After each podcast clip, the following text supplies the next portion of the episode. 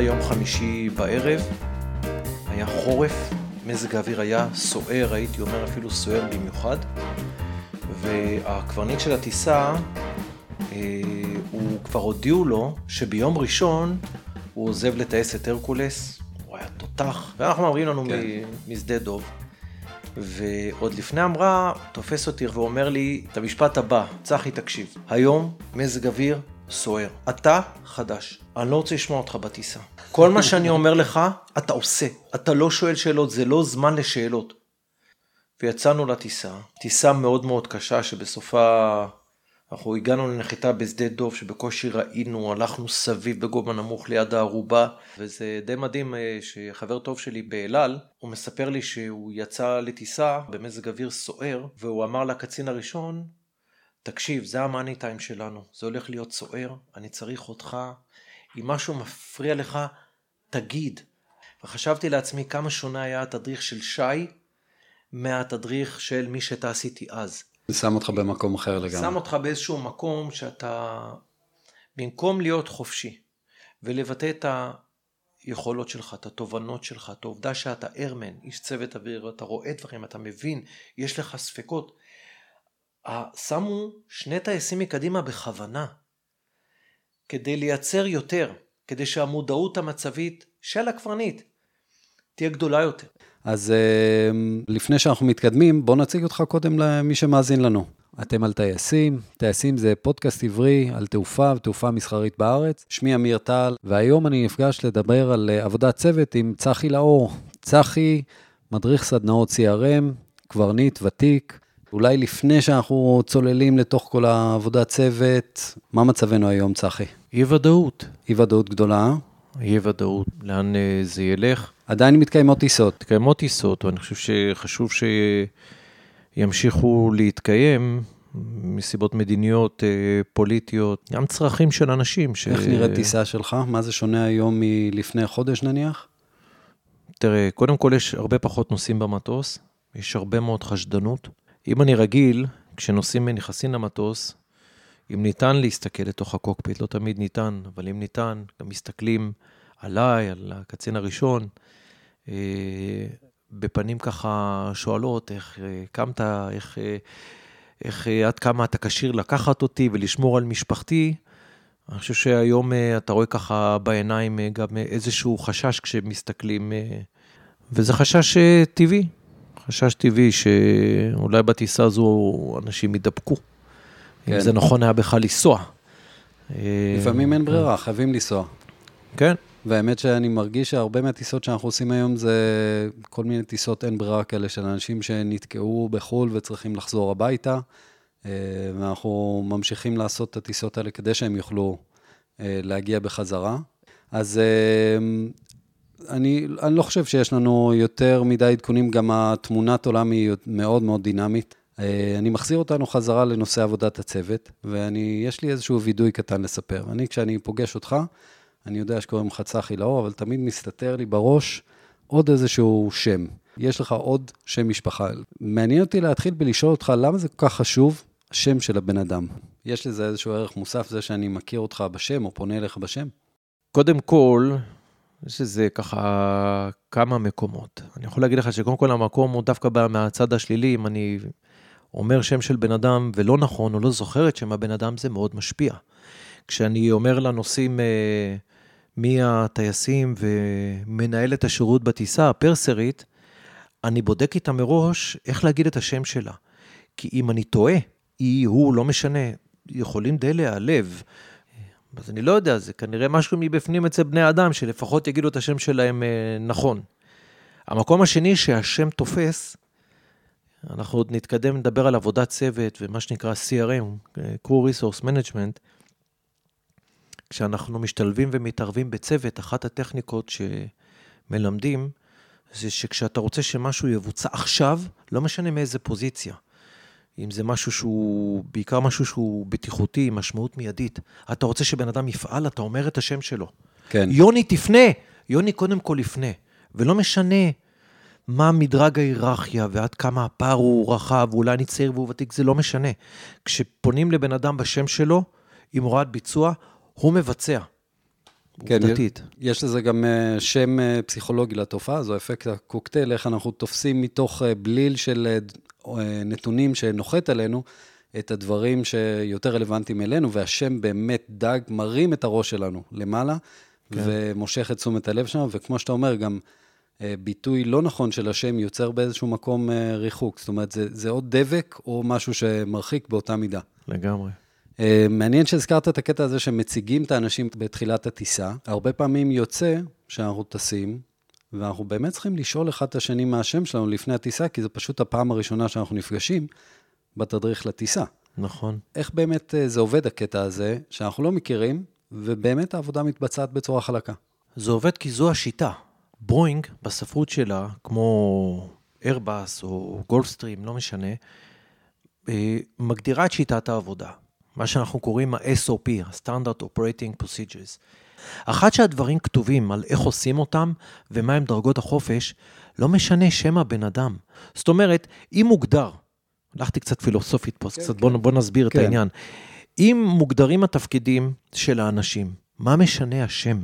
מה משנה אם אני מכיר אותך או לא מכיר אותך בשביל לעשות את העבודה? וכך שני אנשים בלופטנזה שלא מכירים אחד את השני, או בבריטיש איירווייז, ששם הסיכוי שתטוס עם מישהו שכבר טסת איתו, הוא מאוד מאוד מאוד נמוך. הטיסות מבוצעות, ועובדה, אתה לא צריך להכיר את הבן אדם שלידך. למה? כי יש שיטה, וצריך לעבוד לפי השיטה. ועדיין, נשאלת השאלה העקרונית, האם זה שאתה מכיר את הבן אדם זה יתרון או חיסרון? ואני פוגש את זה שאני מעביר אה, סדנאות אה, CRM, עבודת צוות, אה, בטייסות חיל האוויר, טייסות מבצעיות, ששואלות את עצמם גם, האם לעשות, אה, לצאת למשימות, אולי למשימות מסוימות, בצוות הומוגני, שיתאמן יחד כבר חודשיים למשימה, או לייצר איזשהו מרחב כזה, שכל אחד יכול לבצע את המשימה הזו עם כל אחד. אה, ומחפשים את היתרונות שלה, וזו שאלה. אבל אחת שהשיטה המוגדרת בתעופה אזרחית, אז אפשר לטוס עם כל אחד שעובד על פי השיטה. אז אנחנו נשמע על המושג הזה SOP עוד uh, הרבה. במהלך השיחה שלנו, אני מעריך, כי זה בעצם התשתית לכל העבודה המסונכנת של אנשי צוות ב, בתעופה המסחרית. מעניין אותי לשאול אותך אם הממד של האווירה בקוקפיט, אווירה חיובית, הוא משהו שצריך לשאוף אליו.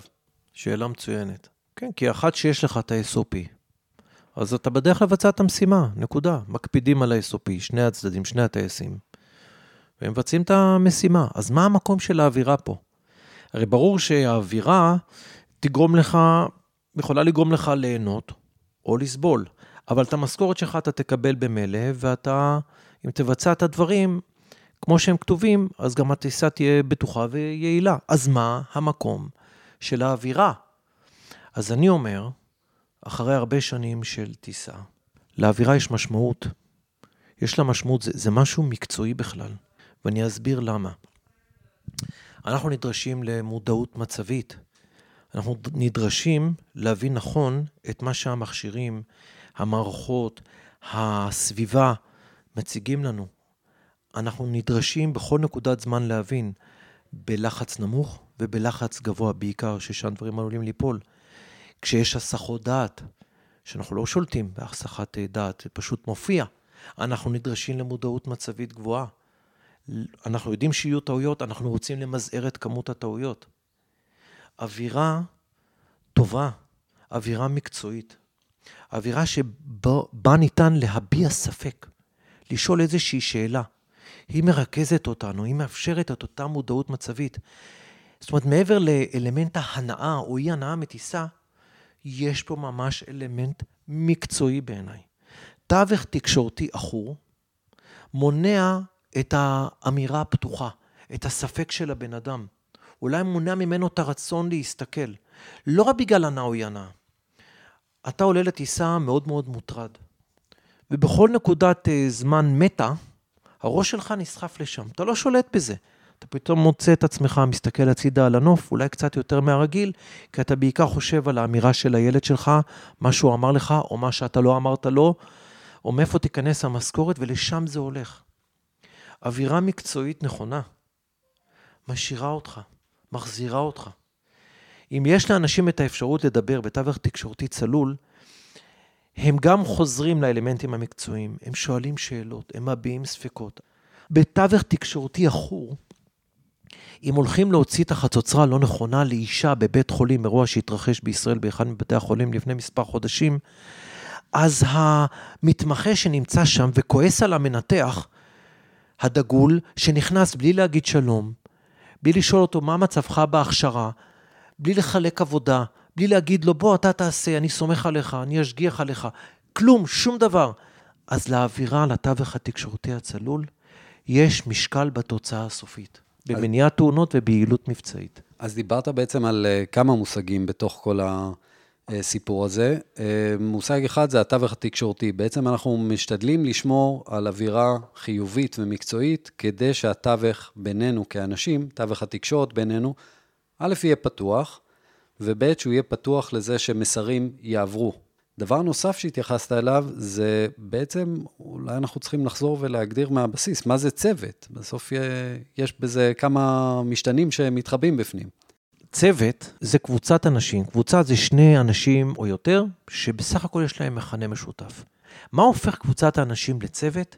יש שני אלמנטים בסיסיים שהופכים את הקבוצה לצוות. אחד, זה שיתוף פעולה, או הצורך בשיתוף פעולה. אה, והדבר השני זה מטרה משותפת, או משימה משותפת. שני אנשים שעולים יחד במעלית, זה עולה לקומה שלישית, וזה בכלל צריך לעלות לקומה שישית, אחד לחת שלוש, אחד לחת שש. כל עוד לא קרה שום דבר והמעלית עולה, חוצה קומה ראשונה, שנייה, אפשר להגיד שהם קבוצת האנשים, יש להם מכנה משותף. המכנה המשותף שלהם זה שהם עולים במעלית, אבל אין ביניהם שום דבר מעבר לזה, אין תלות, אין כלום. אחת שהמעלית נתקעת, וקיימת איזושהי דרך עכשיו, נניח, להיחלץ מהמעלית, ואם יידרשו לשיתוף פעולה, פעולה כדי לאפשר את היציאה מהמעלית, אז הנה מתקיימים לך פה שני התנאים. עכשיו, אם הם ישתפו באמת פעולה, אה, ואם המשימה היא באמת לצאת מהמעלית, יש לך פה צוות.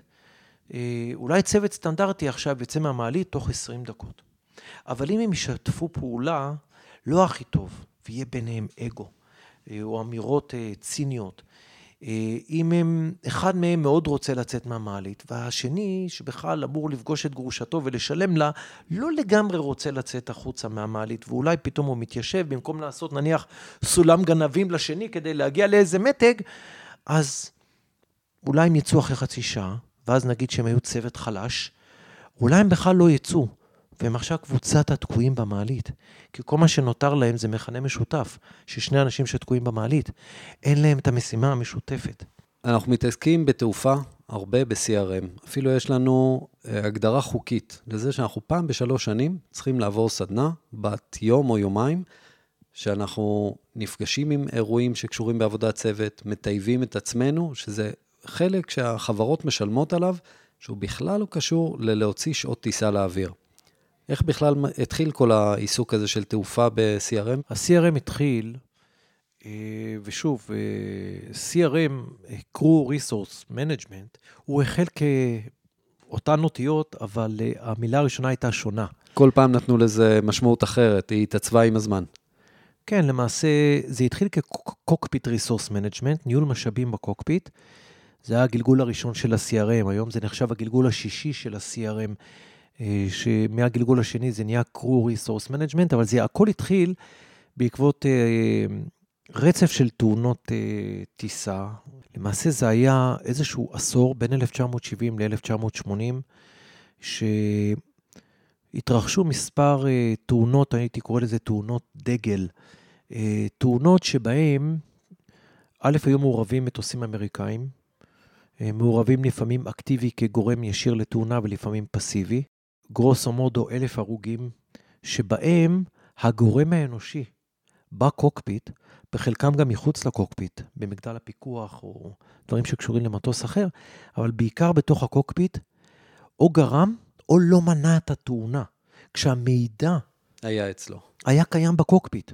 הוא היה קיים המידע. התאונה הראשונה ברצף הזה תאונה של אה, חברת איסטרן, שעם השנים אה, ככה, היא כבר לא קיימת היום. איסטרן 401, שבה מטוס אה, בשעת לילה אה, מטפל בתקלה מאוד מאוד פשוטה של נורת גלגלים ששרופה, אבל הם יודעים שהגלגלים הם מטה. ויש גם כל מיני דרכים לוודא את העניין הזה, והמטוס אה, אה, טס ב, על טייס אוטומטי, תוך כדי שמנסים להוציא את בית הנורה, ובניהול לא נכון של הצוות, כולם עסוקים בזה שבית המנורה לא יוצא, רק להחליף את הנורה, רק לראות שהירוק, הנורה הירוקה דולקת. הם לא היו חייבים את זה, אבל הטייסים רוצים לראות מה שנקרא שלושה ירוקים, שלושת קני הנס המטה נעולים. ושוב, הם ידעו שכאן אותו קן נס הנעול מטה בגלל דברים אחרים. אה, ואז הם התרסקו, כי הטייס האוטומטי התנתק ואף אחד לא שם לב. זו הייתה תאונה, תאונה מאוד מחריד. מאוד מבישה. 111 הרוגים, 109 בתוך המטוס, ושני מחלצים שניסו לחלץ עם עוד כמה מחלצים, ושניים טבעו, זה המטוס אה, נכנס בביצות של האברגליידס, ו-111 הרוגים על נורה שרופה, שגם לא היה לה בפועל יותר מדי משמעות, כי ידעו שהגלגלים מטה. אחרי האסון המביש הזה הגיע אסון אה, טנריף, אסון התעופה הכי גדול עד היום, 583 הרוגים. אסון מרתק, אה, שהרבה דברים קרו בו והרבה אפשרויות היו למנוע את התאונה. אה, מטוס, אה, שני מטוסים שהגיעו לשדה משנה בכלל, בגלל ששדה ראשי נסגר, ונמצאים בשדה שהם לא רגילים להיות בו, והוא מסלול יחסית קצר לג'מבו. עומדים באיזושהי עמדה, ממתינים שהשדה הראשי ייפתח, לאט לאט נכנס ערפל, אה, ולחץ, מטוס אחד לחץ שבגלל אה, שעות תעסוקה, מטוס שני, צוות מאוד מאוד עייף שטס כל הלילה. ובסוף נוצר מצב שמגדל פיקוח שלא מבין את הסיטואציה, נכון, הוא לא מבין נכון את הסיטואציה שנוצרת פה, אה, לא מנהל טוב את, את המטוסים במרחב שלו, במרחב התפעול, הוא מאפשר למטוס להתיישר בתחילה על המסלול, כאשר הוא נותן למטוס אחר להסיע על אותו מסלול, אה, והוא לא מעביר את המידע בין המטוסים כמו שצריך, כמו שאתה מצפה כשיש ערפל. אה, ובסופו של דבר מתבצעת טעות במטוס שמתיישר בתחילה. הוא מבין, הקברניט מבין, שיש אישור המראה. כאשר מולו מטוס מסיע על המסלול בערפל. ולמעשה באווירה עכורה בקוקפיט, שהוא רדה בצוות שלו כל הטיסה עד לשם, מאמסטרדם עד טנריף וגם שם על הקרקע. והקצין הראשון, כל פעם שהוא אמר משהו בערך, קיבל על הראש. והקצין הראשון גם חדש שם, הוא היה קברניט בעבר. הוא מבין את הסיטואציה, הוא יודע שאין אישור המראה. והוא מתקשה להוציא החוצה. וה flight engineer, המכונן, שאולי לא, לא אוחז בהגה, אבל הכיסא שלו בהמראה ובנחיתה, שאלה נקודות הקיצון ברמת הבטיחות בטיסה, הוא מופנה קדימה. הוא שומע תקשורת בין המגדל למטוס שמסיע על המסלול. הוא מפנה את תשומת ליבו של הקברניט באיזו אמירה, אז המסלול לא פנוי, הקברניט מבטל אותו, ויותר, המכונן לא שואל כלום בדרך שבה הקברניט ביטל אותו. והנה לך הצוות רץ את ריצת ההמראה, וזה יותר מחדר ניתוח, שבו הולכים להוריד את הרגל הלא נכונה, בטעות, של המנתח הראשי המומחה, ויש לך שם מתמחים, ויש אחיות, הם רואים שהולכים להוריד את הרגל הלא נכונה. והם שותקים בגלל תווך עכור, בגלל שיצעקו עליהם, בגלל מה יהיה אם הם טעו, אולי הוא, הם מאדירים אותו, אולי הוא יודע ואני לא, וכולם שותקים ומורידים את הרגל הלא נכונה, פה זה יותר מזה בתעופה. כי גם אתה, הטייס והמכונן ימותו אם תהיה תאונה. ועוד מאות אנשים. והעובדה היא שהם רצים את ריצת ההמראה והם שותקים. עד כדי כך אווירה עכורה, תרבות עכורה בארגון. תרבות עכורה בארגון, ואני רואה את זה לפעמים בחברות שאני מגיע אליהן, חברות עסקיות, הייטק, לואו-טק. אווירה עכורה סביב השולחן. אנשים שמבינים שמשהו לא בסדר במוצר, בשיווק, ולא אומרים, מתקשים להגיד. אומרים דברים ברמיזה, בעלמא, מעבירים את האחריות למישהו אחר, והם יודעים שהמוצר, הם יודעים שהמשקיעים שמים פה המון כסף על משהו, והם לא אומרים שהם המהנדסים לא יוכלו להגיע בדדליין לתוצאה הסופית, והכל עלול לקרוס, אבל אתם אבל רואים שבאווירה העכורה, בניהול הלא נכון של המשאבים, גם אין להם say אז זה לא נאמר, ובסוף יש התרסקות. אחר כך היה עוד אסון של יונייטד, ש-173, שנכנס בקרקע בסוף בגלל שאיבד דלק. לא היו ערנים לכמות הדלק, ושוב אווירה עכורה בקוקפיט. בסוף הבינו, בתום העשור הזה, שמה שמפיל את המטוסים בעיקר... זה האנשים ולא התקלות. זה האנשים ולא התקלות.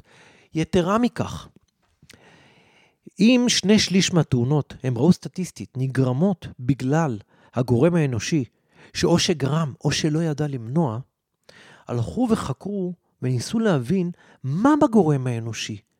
ההטסה או תכונות הטיסה או דברים אחרים, הממצאים היו מאוד מאוד מפתיעים. 21% מכלל האירועים החמורים והתאונות שהיו, היו בגלל מה שמכונה technical skills. ההטסה, חלוקת הקשב, היכולת, ההבנה המרחבית, הדברים שכל טייס זקוק להם. 21 אחוז. ה-79 אחוז, ה-80 אחוז שויכו למושג חדש. באותה תקופה שנקרא Non-Technical Skills, פתאום נפל האסימון. It's not a one-man cockpit anymore.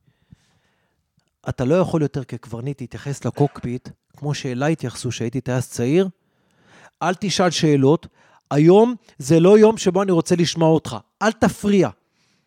זה אין יותר את הקוקפיט הזה. עכשיו צריך למקסם את המשאבים. אני צריך פה את כולם בדרך לקבלת ההחלטות, צריך לייצר את האווירה. זה לא אלמנט של נחמדות. ה-Cockpit Resource Management, ה-CRM, זה אלמנט מקצועי לגמרי. בא כדי לתמוך מקצועית את הצוות, כי זה מה שמרסק מטוסים ופוגע ביעילות המבצעית. דיברת על זה שהיו כמה גלגולים ל-CRM, בעצם למושג הזה, שגם הראשי תיבות טיפה השתנו, כמו כל תעשייה שרוצה להרגיש שהיא חושבת את עצמה, אז היא מדברת בראשי תיבות, אבל אמרת שהיום אנחנו בגלגול השישי בעצם, ונדמה לי, תקן אותי אם אני טועה, שנוסף עוד uh, תוספת לראשי תיבות האלה, גם מדברים על threat error management, ולא רק על crew resource management, נכון להיום, שזה אומר גם שכל מיני איומים, threats, יקרו ויהיו כל הזמן מסביב, ואנחנו כבני אדם שנמצאים בתוך המערכת הזו, צפויים לעשות uh, טעויות, ואיך אנחנו מנהלים גם את הדבר הזה. לא באווירה של לא הולכות לקרות טעויות, אלא בעבירה של יהיו טעויות, ואנחנו צריכים לדעת לנהל אותם, למזער אותם, ליצור שוליים מספיק רחבים, ולהתנהל גם עם המקורות כדי לצאת מבורות כאלה. נכון, נכון מאוד. הנושא של טעות אנוש היה בספרות ה-CRM מההתחלה, אבל בגלגול החמישי של ה-CRM, בגלגול השני שינו את זה ל-Crew Resource Management. בגלגול השלישי והרביעי הוסיפו עוד אה, תכנים שהבינו שה-CRM, סדנות ה-CRM הם כר מעולה ללמד Non-Technical Skills, אז הכניסו עוד ועוד תכנים. בגלגול החמישי של ה-CRM, אנחנו עכשיו אגב בגלגול השישי, שהלב של הגלגול השישי הוא אוטומציה. הנושא של uh, הטיסה המודרנית באווירה עם הרבה מאוד אוטומציה, ואיך מנהלים נכון את סביבת האוטומציה. אה, אבל בגלגול החמישי לקחו את נושא הטעות ועשו לה שינוי מאוד מאוד חשוב. אתה אמרת את זה מאוד מאוד נכון מקודם, התובנה שנכנסה זה, אנחנו בני אדם, אנחנו טועים, אנחנו נטעה. זה לא אומר שאני צריך להיכנס לקוקפיט, לטעות ולקוות שיבינו אותי. לא, זה לא נכנס עם, עם אמירה שאנחנו טועים ולכן יש לזה פתח. לא. התפיסה היא, אנחנו טועים ולכן אנחנו. בהינתן שאנחנו לא יכולים לסבול את הטעויות, אנחנו צריכים לנהל את מניעת הטעות. תטוס באווירה מנטלית של, אנחנו מכנים את זה, תהיה slightly paranoid. שוב, לא בפן השלילי, אלא בפן הניהולי. הדבר הזה היה כל כך עוצמתי, המסר שרצו להעביר היה כל כך חזק של מנטליות טיסה שמחפשת את הטעות שעלולה לקרות, או מחפשת את האיום ומנהלת אותו מראש, עד כדי כך שבגלגול החמישי, בחלק מהארגונים שינו את השם של ה-CRM ל-TEM. הם טענו ש-CRM היום מוכל בתוך ה-TEM, כי המטרה של ה-CRM היא למנוע את הטעות, היא למנוע את, אה, אה, הוא, לעזור אה, במניעת הסיכונים. אבל אחר כך באו ואמרו, אל תשנו, תשאירו את זה CRM, CRM, אבל תלמדו את הצוותים שלכם את המנטליות הזו, המנטליות היישומית הזו של ה-TM. כן. אז צריך כישורים סוציאליים. בתוך עבודה בצוות. יש איזושהי חבילה שאיתה אנחנו נולדים, נכון? מגיעים איתה לעולם, או שאולי לא. יש דברים שאפשר ללמוד, יש דברים שהם מולדים בתוך החבילה הזו שאנחנו מגיעים איתה לתחילת יום העבודה. תראה, יש את הדברים, אני לא פסיכולוג. אני, מתוך אה, ההכשרה שלי כמנחה סדנות אה, של crew resource management, שחפרתי ולמדתי, אז הספרות של ה-CRM, שלוקחת מתוך הידע הפסיכולוגי והסוציולוגי, אז מה שמביאים שם זה את התובנה שבגיל צעיר, נניח עד גיל שש בערך, האופי של הבן אדם כבר די מתעצב. אני יכול להגיד לך שכל מה שלא באופי, וזה הרבה, אה, נכנס תחת הכותרת שזה האטיטיוד של הבן אדם. למשל, יש אנשים שרואים את הבן אדם הנוסע בקוקפיט כאיום. אתה יכול לשאול העסק קרב שטסו על F-16 חד מושבי, מה קרה כשהודיעו שהטסת שלהם הופכת לדו-מושבית? אז אם נניח חיל האוויר חיפש, הוא אמר, טייסת הברק לעומת הנץ, אה, מה שהמטוס נותן היום הוא נניח 1.4 ממה שנתן הנץ. ועכשיו הצוות צריך להביא את 1.4 היכולות של המטוס. יש צוותים שייתנו 1.5 ו-1.6 ואפילו מעל 2, וילכו ויתקפו במקום מאוד מאוד רחוק, שאפילו היצרן לא דמיין שהמטוס הזה יוכל להביא את הדבר הזה, בזכות הצוות. אבל התופעה היותר מעניינת היא שיש מטוסים שאתה רואה במשימות השונות שאחד ועוד אחד הוא קטן מאחד. בניהול משאבים לא נכון, אולי מתוך אגו, הם הצליחו יחד להשיג פחות. אני יכול להגיד לך, אגב, שאני חוויתי את זה בטייסת שלי, שטסתי בהרבה שנים, 17 שנים, טסתי בטייסת אה, הבואינגים של חיל האוויר. והיה תקופה שהיה לא נעים עם כמה מדריכים או קברניטים בכירים, נטוס איתם, צעקות בקוקפיט ואווירה ממש, ממש לא נעימה. ובא מפקד טייסת מסוים, הוא הכניס סדנות uh, CRM, סדנות uh, core resource management, למדנו על, על נהלים, נהלי עבודת צוות uh, שהיו בחברות תעופה, אולי בחיל האוויר האמריקאי כבר הכניסו, והטסט עברה איזשהו תהליך של שינוי, ואני זוכר על דמות מסוימת בטייסת, שהיה מאוד לא נעים לטוס איתו, לקבל ממנו הדרכה. אני זוכר שיום אחד מפקד טייסת אימת אותו, עם עד כמה הוא רחוק ממה שהוא דורש היום ממדריך או קברניט בטייסת, במיוחד ממדריך בטייסת. עכשיו, אותו בן אדם, ראו כמה הוא משתדל לשנות את האטיטוד שלו. הוא אפילו באיזשהו שלב ביקש מאיתנו חוות דעת על איך הייתה הדרכה. אני זוכר את עצמי, שראיתי אותו כל כך משתדל, אני החמאתי לו מעבר לרגיל. רק רציתי שהוא באמת יעשה את השינוי, שהוא ייקח את הסיבוב. הוא אישית לא לקח בסוף את הסיבוב. בטיסות המטען, החו"ל, ראש הממשלה, הוא חזר בקוקפיט להתנהגויות כשהוא הגיע קצת לקצה וללחץ, להתנהגויות הלא נעימות. ואז אני, היה תהליך כזה טבעי שהטייסת סיננה אותו, הוא היה הראשון גם לעזוב את הטייסת באיזשהו שלב כשאמרו שלא חייבים את כולם, אבל אחרים כן לקחו את הסיבוב. ועל זה אמרתי שיש את הדבר הנוקשה, האופי שמתעצב עד גיל 6, אבל, ה... אבל אתה רואה שאם היחס שלך כלפי האנשים, כלפי איך אתה מתנהל, משתנה, אם אתה תשקיע בזה, אתה יכול לשנות. אתה יכול לשנות.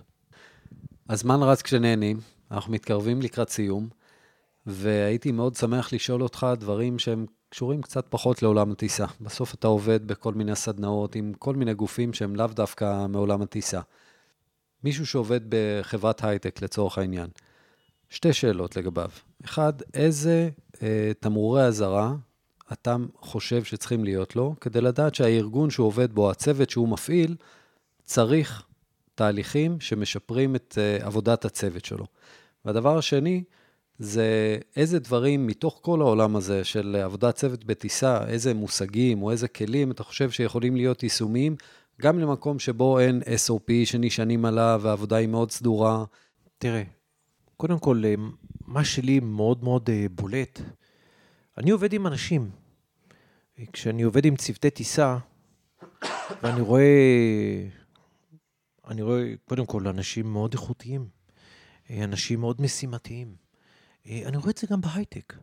אני רואה את זה גם בלואו-טק. אני עובד עם איזו חברה קבלנית של אה, יזמות, בנייה, שהם עושים פרויקטים יפהפיים. אנשים נדרשים לניהול עצמי. אה, תקשורת מפילה אותם כמו שהיא מפילה צוותי טיסה. מידע שלא עובר כמו שצריך. מקומות שמשאירים אותם בכוונה בלי נהלים, כי לא רוצים נהלים, נדפקים. כי לא היה ברור פה, לא היה ברור שם, מישהו עשה משהו שעכשיו, איזה סרט יש לנו כדי לתקן את זה. מרבית המושגים חוזרים על עצמם פה ושם. נכון, המקומות שפונים אליי, אה, ואני בקושי יוזם בללכת למקומות, פשוט פונים אליי, זה אזורי היי ריסק. הצוללות אה, של חיל הים, מחלקה בבית חולים, אה, תעשיות הביטחוניות, תאי שליטה של חיל האוויר בבור, אלה מקומות שמחיר הטעות בהם הוא מאוד מאוד גבוה, אבל לפעמים אני מקבל פנייה, הנה, יש איזושהי חברת הייטק שהיא קשורה במאגרי מידע, יש להם cloud מאוד מאוד רציני, והסיבה שהם פנו אליי זה בגלל טעות אנוש שהתרחשה באיזשהו לילה, כשבסיס נתונים של חברה ענקית שנסחרת בבורסה בארצות הברית, אה, המידע כמעט נעלם אצלהם בחברה. גם אותה חברה פה בישראל וגם החברה שהחזיקה אצלם את המידע ב cloud, יכלו להימחק אם האירוע הזה היה קורה, והוא נעצר בדקה ה-92. וכשהם הבינו את הכשלים שלהם, ועשינו סדנה, אה, וזה אנשים מאוד מאוד שונים מטייסים. רובם היו מהנדסים, המנטליות הייתה אחרת, הדינמיקה הייתה חזקה בסדנה. כי אנשים הם אנשים, ואנשים טועים, ואנשים נכנסים עם האגו שלהם, והם לא תמיד פועלים בשירות העניין, לפעמים בשירות האגו, כי נתנו להם עצה, אה, נתנו להם איזושהי אמירה. במקום לקחת את זה בשירות העניין, לקחו את זה בשירות האגו. בן אדם שצריכה לנהל את הסיטואציה, ניהל את האגו שלו. סתם כדוגמה. וניהול לא נכון של עומס, של תת עומס או של עומס יתר. שמע, אלה אותם מושגים אצלנו ואצלם. ואני נהנה לעבוד עם אה, אנשים, והצורך להגיע למצוינות אה, קיים בכל מקום, אם הוא היי ריסק, אם הוא לואו ריסק, אבל שום מקום לא רוצה להיכשל, ומרבית המקומות לא רוצים רק לקיים את שגרת יומם, רובם רוצים להצליח ולעשות מעל ומעבר, כמו חברת תעופה. שזקוקה להיות יותר יעילה כדי להצליח בתחרות, כמו טייסת בחיל האוויר שרוצה להיות הטייסת המובילה ולהיות זו שמביאה את האלפא ואותה ישלחו, אותו דבר בכל חברה, בכל סטארט-אפ, בכל מקום. תענוג. צחי, רציתי להגיד לך תודה רבה על הזמן, על ההשקעה. אה, ואני מאפשר לכל אורח אצלנו בפודקאסט, לפני שאנחנו מסיימים, להמליץ על משהו עבור המאזינים. משהו שעשית, משהו ששמעת, ראית, וששווה אולי להמליץ לאנשים אה, להתנסות בו גם. ההמלצה הטובה ביותר שאני יכול לתת לאנשים, אנחנו תמיד נמצאים בחברת אחרים, באוטו, סביב שולחן האוכל, אה, במשרד, סביב שולחן הדיונים. תנו ערך לאנשים. תנו ערך לאנשים. לא משנה מאיזה פוזיציה. בן אדם הוא מה שמכונה לייבוור. הוא עולם ומלואו של חיים, של רצונות. כשבן אדם אומר משהו, הוא לא רק אומר את מה שיוצא לו מהפה הרגע, הוא אומר את זה גם לאור אה, דברים שקרו לו בעבר, לאור התפיסות שלו.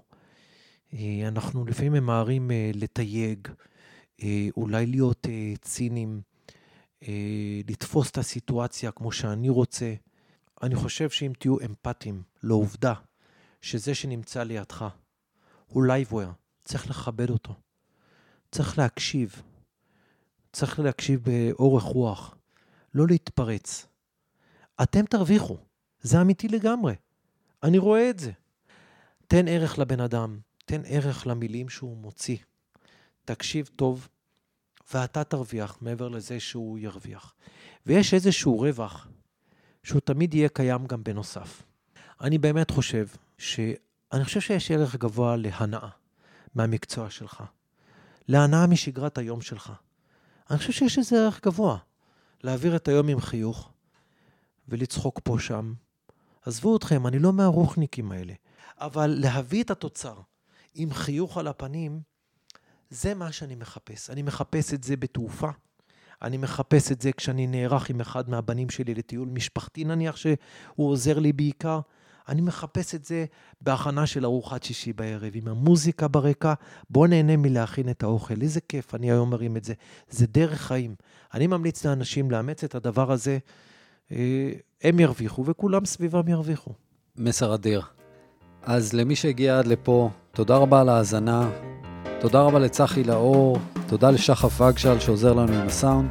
וזה הזמן להזכיר עוד פעם שאם נהניתם מהפרק, אתם מוזמנים מאוד לשתף את החברים, את המשפחה, לדרג אותנו באפליקציות השונות, זה הדרך שלנו להגיע לעוד אנשים שהתוכן הזה יכול אולי לעניין אותם.